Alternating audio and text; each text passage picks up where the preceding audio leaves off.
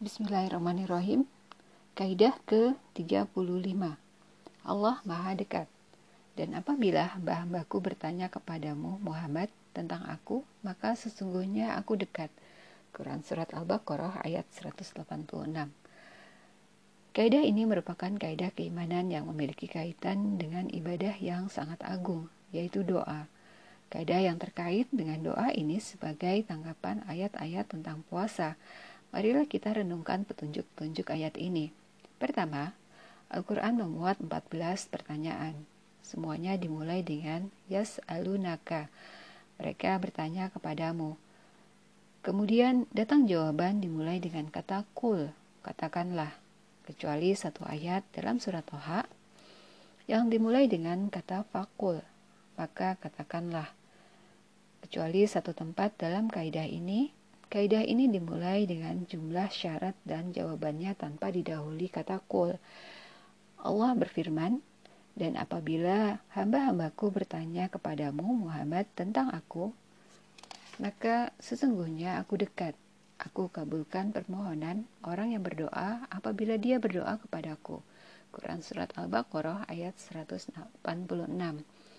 Seakan adanya pemisah meskipun sangat minim atau kul memperlebar jarak antara hamba yang berdoa dengan dan Allah.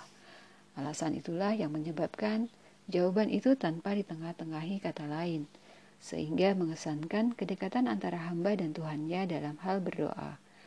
Kaidah ini sangat pas untuk menjawab pertanyaan sahabat kepada Rasulullah SAW. Apakah Allah itu dekat sehingga cukup berbisik saja ataukah jauh sehingga perlu berteriak? Kedua, renungkanlah firman Allah, hamba-hambaku, betapa besar kasih sayang Allah kepada hamba-hambanya yang tertuang dalam firman ini. Maka di manakah orang-orang yang menenggandahkan tangannya untuk berdoa? Di manakah orang-orang yang mengetuk pintu karunia-Nya? Ketiga, renungkanlah firman Allah maka sesungguhnya aku dekat. Dalam penggalan ayat ini Allah menetapkan bahwa dia dekat dengan hambanya. Itu adalah kedekatan spesial dengan seseorang yang menyembah dan memohon karunia kepadanya. Ini merupakan hal yang mendorong seorang mukmin semangat dalam berdoa kepada Allah. Keempat, firman Allah, aku kabulkan permohonan yang berdoa, menunjukkan kekuasaan Allah dan dan kesempurnaan daya pendengarannya. Tiada yang kuasa atas hal ini kecuali Allah. Siapa pun raja di dunia yang diberi kekuatan dan kekuasaan, maka ia tidak mungkin meluluskan setiap permintaan yang diajukan kepadanya, karena ia hanya seorang makhluk yang lemah dan tidak bisa menolak sakit dan kematian yang menimpanya. Kelima, firman Allah, apabila dia berdoa kepadaku, mengisyaratkan bahwa salah satu syarat terkabulnya doa adalah seorang yang berdoa harus berkonsentrasi, yakin dengan doa yang dipanjatkan, ikhlas menunjukkan kebutuhannya kepada Allah dan kebutuhannya atas karunia-Nya. Termasuk petunjuk kaidah ini bahwa Allah pasti mengabulkan permohonan hamba saat ia berdoa, tetapi tidak mesti meluluskan permintaan yang terkandung di dalam doa itu. Karena Allah terkadang mengakhirkan pelulusannya agar orang yang berdoa bertambah khusyuk, tunduk kepada Allah dan semakin bersungguh-sungguh dalam doanya, sehingga imannya bertambah kuat dan pahalanya yang didapatkan melimpah atau permintaan itu dijadikan deposito di akhirat atau Allah menolak bahaya yang jauh lebih bermanfaat baginya. Inilah rahasia di balik firman Allah aku kabulkan permohonan orang yang berdoa. Keenam, puncak dari rahasia-rahasia dalam kaidah dan apabila hamba-hambaku bertanya kepadamu Muhammad tentang aku, maka sesungguhnya aku dekat. Aku kabulkan permohonan orang yang berdoa apabila dia berdoa kepadaku. Quran Surat Al-Baqarah ayat 186 adalah Tauhid.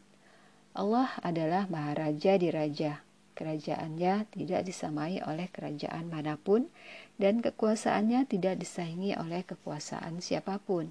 Jika engkau ingin berdoa, tidak usah mengadakan perjanjian dan melewati aturan protokoler terlebih dahulu, tetapi kamu hanya butuh menengadahkan kedua tangan, menghadirkan semua perasaan, butuh kepadanya dan mengutarakan semua kebutuhanmu sebagaimana dinyatakan oleh Abu Bakar oleh Bakar bin Abdullah Al-Muzani siapakah yang menyayangimu wahai manusia Engkau hanya butuh membenamkan diri dalam mihrab untuk bermunajat kepada Tuhanmu.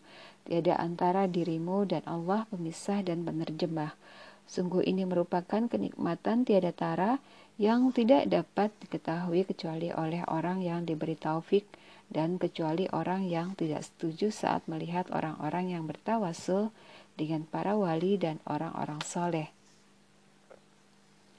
Jika kamu mengetahui kedudukan kaidah ini, maka kamu akan memahami bahwa kerugian hakiki seorang hamba adalah saat ia tidak memiliki kesempatan mengetuk pintunya dan nafsunya melupakan jalan terang ini. Sebagaimana diungkapkan oleh Ibnu Hazim rahimahullah, terhalangnya aku untuk berdoa lebih aku takuti daripada terhalang terkabulnya doaku. Ibnu Qayyim rahimahullah berkata, Para arifun atau orang-orang yang dekat dengan Allah sepakat bahwa at-taufik adalah jika Allah tidak berlepas tangan darimu dengan menyerahkan urusanmu kepada dirimu sendiri. Sementara al-kizlan atau penghinaan adalah pembiaran dirimu di bawah nafsumu.